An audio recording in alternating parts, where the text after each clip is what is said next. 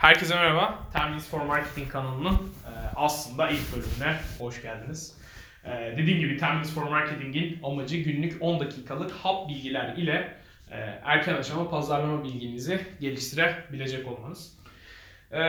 Bu bir eğitim serisi değil. O nedenle de aslına bakarsanız baştan sona ya da basitten zora doğru giden bir yapı olmayacak. Ee, Ben ilk bölümü bana bu sıralarda, yani bu sıralardan kastım son bir yıl içerisinde en çok gelen e, konuların nedir e, sorusu üzerine başlamak istiyorum. E, ilk bölümümüz Growth Hacking nedir? Aslında bundan başlamak gerekiyor. Şimdi pazarlamayı öğrenirken ya da pazarlamayı uygularken önce teorik kısmını çok iyi bilmek gerekiyor. Çünkü pazarlamanın aslında 1900'lerde oluşan bir felsefesi var. Elbette çok daha eskiden gelme bir yapısı bulunsa da pazarlamanın e, işte bazı üstadlar seviyesinde e, özellikle 2. Dünya Savaşı'nda Adolf Hitler'in özellikle o pazarlama zekasından kaynaklı olarak belirli bir felsefeye dönüştürülmüştür pazarlama.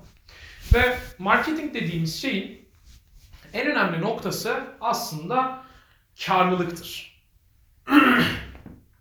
Karlılık bizim için marketing sürecinin devamlılığı anlamına gelir. Şimdi pazarlama ile satışçı arasındaki en büyük fark baktığımızda birisi yani satışçı ciroya odaklanırken, ciro hedeflerini ve benzeri şeyleri tutturmaya çalışırken pazarlamacı şirketin karlılığını yükseltmeye ya da business'ın karlılığını düşünmek durumundadır. Growth hacking dediğimiz olay ise aslında büyüme odaklı pazarlama yapmak veya daha karlı bir pazarlama sistemi ortaya çıkartmak anlamına gelir. Şimdi karlılık dediğimiz zaman her zaman aklımıza tabii geleneksel yollardan dolayı şöyle bir şey geliyor. Daha ucuza üret, daha yüksek fiyata sat. Aslında bu olay bu değildir. Satışın son anına kadar gelirken bizim arada bazı pazarlama süreçlerini geçirmemiz gerekir. Ve geçirmemiz gereken pazarlama süreçleri aslında belli maliyetler, ekstra abiotic costlar yaratır. Ne kadar planlı ya da plansız bir şekilde hareket etsek de o farkında olmadığımız pazarlama maliyetleri çoğu zaman hatta bence her zaman üretimden çok çok daha fazlaya mal olmaktadır. Gelin geleneksel bir örnekle size bunun açıklamasını yapayım. Örneğin bir tekstil fabrikasının sahibisiniz. Günlük bilmem kaç milyon TL'lik kumaş üretimi yapabiliyorsunuz. Çok büyük bir tekstil fabrikanız var. Ve daimi belli müşterileriniz var. Elinizde bulundurduğunuz. Fakat deponuz hınca hınç artık dolu. Yeniden satış yapmak ve deponuzu boşaltmak ve üretim bantlarınızdan çıkan nihai ürünü depolarınıza yerleştirmek durumundasınız. Yapmanız gereken iş aslında belirli satış personelleri ve satış takım arkadaşlarını işe alıp sonrasında bu satış satış takım arkadaşlarınızı sizin ürününüzü satın alabilecek firmalara yönlendirmektir. Şimdi baktığımız zaman pazarlama dediğimizde 2010'lu yıllardan sonra tamamen hayatımızı dijital pazarlamaya odakladık. Facebook reklamları, Instagram reklamları, bilimum maliyette dijital ya da reklam. Biz aslında pazarlamanın maliyetinin sadece reklamdan geldiğini öngörüyoruz. Tekstil fabrikası diyebilir ki iyi de ben reklam yapmıyorum ki pazarlama maliyetim yok. Aslında pazarlama dediğimiz şey belki ilerleyen bölümlerde daha net açıklayacağım 4P'ydi, 7P oldu. Şu an 10-11P'yi konuşuyoruz belli başlı öğelerden oluşuyor. Aldığınız satış personeli saatlik ücreti sizin pazarlama maliyetinizdir aslına bakarsınız. Satış maliyetiniz değil, sizin pazarlama maliyetiniz. 3 ay çalışıp da hiç satış yapamayan bir satış elemanınız varsa 3x kadar para çöpe atmış oluyorsunuz. Bu da sizin nihayesi ciroyla sonuçlanmayan pazarlamanız anlamına geliyor. Şimdi yine aynı geleneksel örnekten örnek verelim. Yine tekstil fabrikanız var. 3 tane satış elemanı aldınız. Deponuzda da 20x paralık bir ürününüz var. Her satış elemanının maaşı x kadar. Ve bu satış elemanları diyorsunuz ki 2 ay içerisinde bütün ürünümü satmanız gerekiyor. 20x satış yapacağınız deponuzun size üretim maliyeti 5x. 15x kar edebileceğinizi düşünüyorsunuz.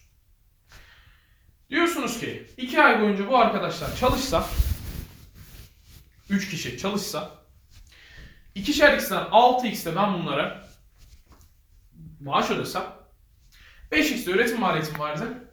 11x'e ben depomu tamamıyla maliyet olarak çıkartmış olurum. Kalan 9x bana kar olarak kalır. Şimdi bu doğru bir strateji. Bu işte pazarlama ve nihai sonucu satışla sonuçlanan bir nokta. Üç arkadaşın da çok iyi olduğunu varsayıp iki ay içerisinde bütün satışı yaptıklarını düşünelim. Hiçbir sorun yok. Şimdi growth hacking nedir? 11x'lik maliyetiniz var. 5x'lik üretim maliyetiniz ve 11x'lik toplamda size o deponun maliyeti var. Tabi depo kirasını ve benzeri şeyleri şu an yani fiziğe göre sürtünmesiz ortamda varsayıyorum örneğin. Growth hacking şudur. Bir ay boyunca çok daha iyi bir insan kaynakları personeli alıp kendisine x kadar maaş verip o insan kaynakları personelinin bir ay içerisinde çok doğru bir satışçıyı bulması için yatırım yapmak ve çok doğru bir satışçıyı bulup bir ay boyunca ona 2x kadar para verip bir ayın sonunda bütün depoyu satması anlamına gelir. X kadar insan kaynaklarına 2x kadar satış elemanına para verdiniz. Ve bir ay içerisinde de ürünlerinizi sattınız. 5x maliyetinizin üzerine 3x maliyet koydunuz. 8x'lik bir maliyet ortaya çıkarttınız. 12x'lik bir kar ettiniz. Bir önceki örnekte giriş bariyeri yatırımlarından kaçınarak sadece 9x'lik bir kar elde etmiştiniz. Şimdi growth hacking aslında şu demek. Şu an dijitale dönüyorum. Growth hacking şu demek. Daha yüksek kâra nasıl ulaşırım? Ancak satış oranımı, satış fiyatımı arttırarak değil. Karlılığımı nasıl daha arttırabilirim?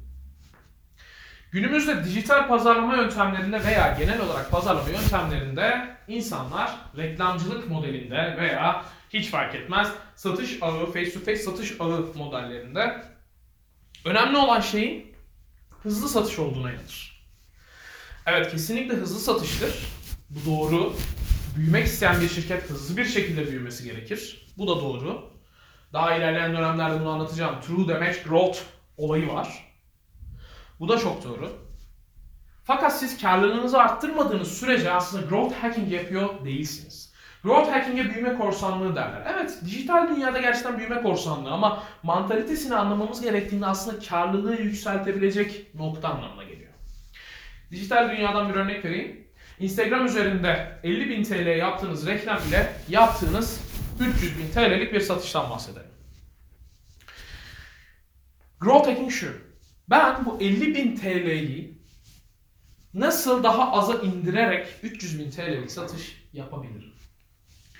Gerekli olduğu noktalarda Instagram reklamları yerine Telegram veya WhatsApp gruplarına otomatik bağlanan bir chatbot satın alabilirim. Bu, size başta çok mantıksız geliyor olabilir. Böyle enteresan bir noktaya 30.000 TL'lik bir yatırımın neden yapıldığını anlamayabilirsiniz. Fakat en nihai sonuçta Instagram reklamlarına 50.000 TL verirken sadece 30.000 TL'ye bir chatbot satın alarak 300.000 TL'lik satışa ulaşabilirsiniz. Growth hacking'in mantalitesi bu. Growth hacking'in tabii ki de belli taktikleri var. Günümüzde çok farklı taktikleri var. Fakat growth hacking öyle 2015'li yıllarda, 2016 yılında 4-5 senelik bir olay değil aslında. Evet günümüze yeni dahil oldu. Özellikle Amerika'da çıkan furya ile çok ciddi bir dahil olmaya başladı. Bunun da sebebi güçlü komüniteler. Çok güçlü komüniteler build olmaya başladı ve güçlü komünitelere erişim sosyal mecralardan çok kolay olmaya başladı. Kesinlikle doğru. Herhangi bir yanlış yok. Ama growth hacking baktığınız zaman belki de 100 yıllık, 200 yıllık bir mantaliteye dayanıyor. Belki de çok daha fazla. Ticaret var olduğundan beri, satış dinamikleri var olduğundan beri veya pazarlamanın o gerçekten 1950'lerden sonraki döneminden beri growth hacking aslında var. Nihai noktası kar etmeye çalışan günümüzde milyonlarca şirket var. Evet kar amacı gütmeyen non-profit organizasyonlar da var. Onların böyle bir sistemleri yok mu? Var. Günümüzde growth hacking aynı zamanda sadece satış odaklı değil, brand identity yani marka bilinirliği odaklı da devam ediyor. Ama aslında en nihayetinde o da aynı kapıya çıkıyor. Yani growth hacking'in felsefesi yaptığınız pazarlama yatırımını nasıl daha aza indirerek aynı ciroya odaklanırım. Growth hacking'in amacı daha doğru yatırım yapıp aynı yatırım yapıp daha yüksek cirolar elde etmek değil. Karlılığınızı tamamen arttırmaktır. Bu nedenle de çok uzun süredir growth hacking günümüzde popüler olmuş bir olgudur.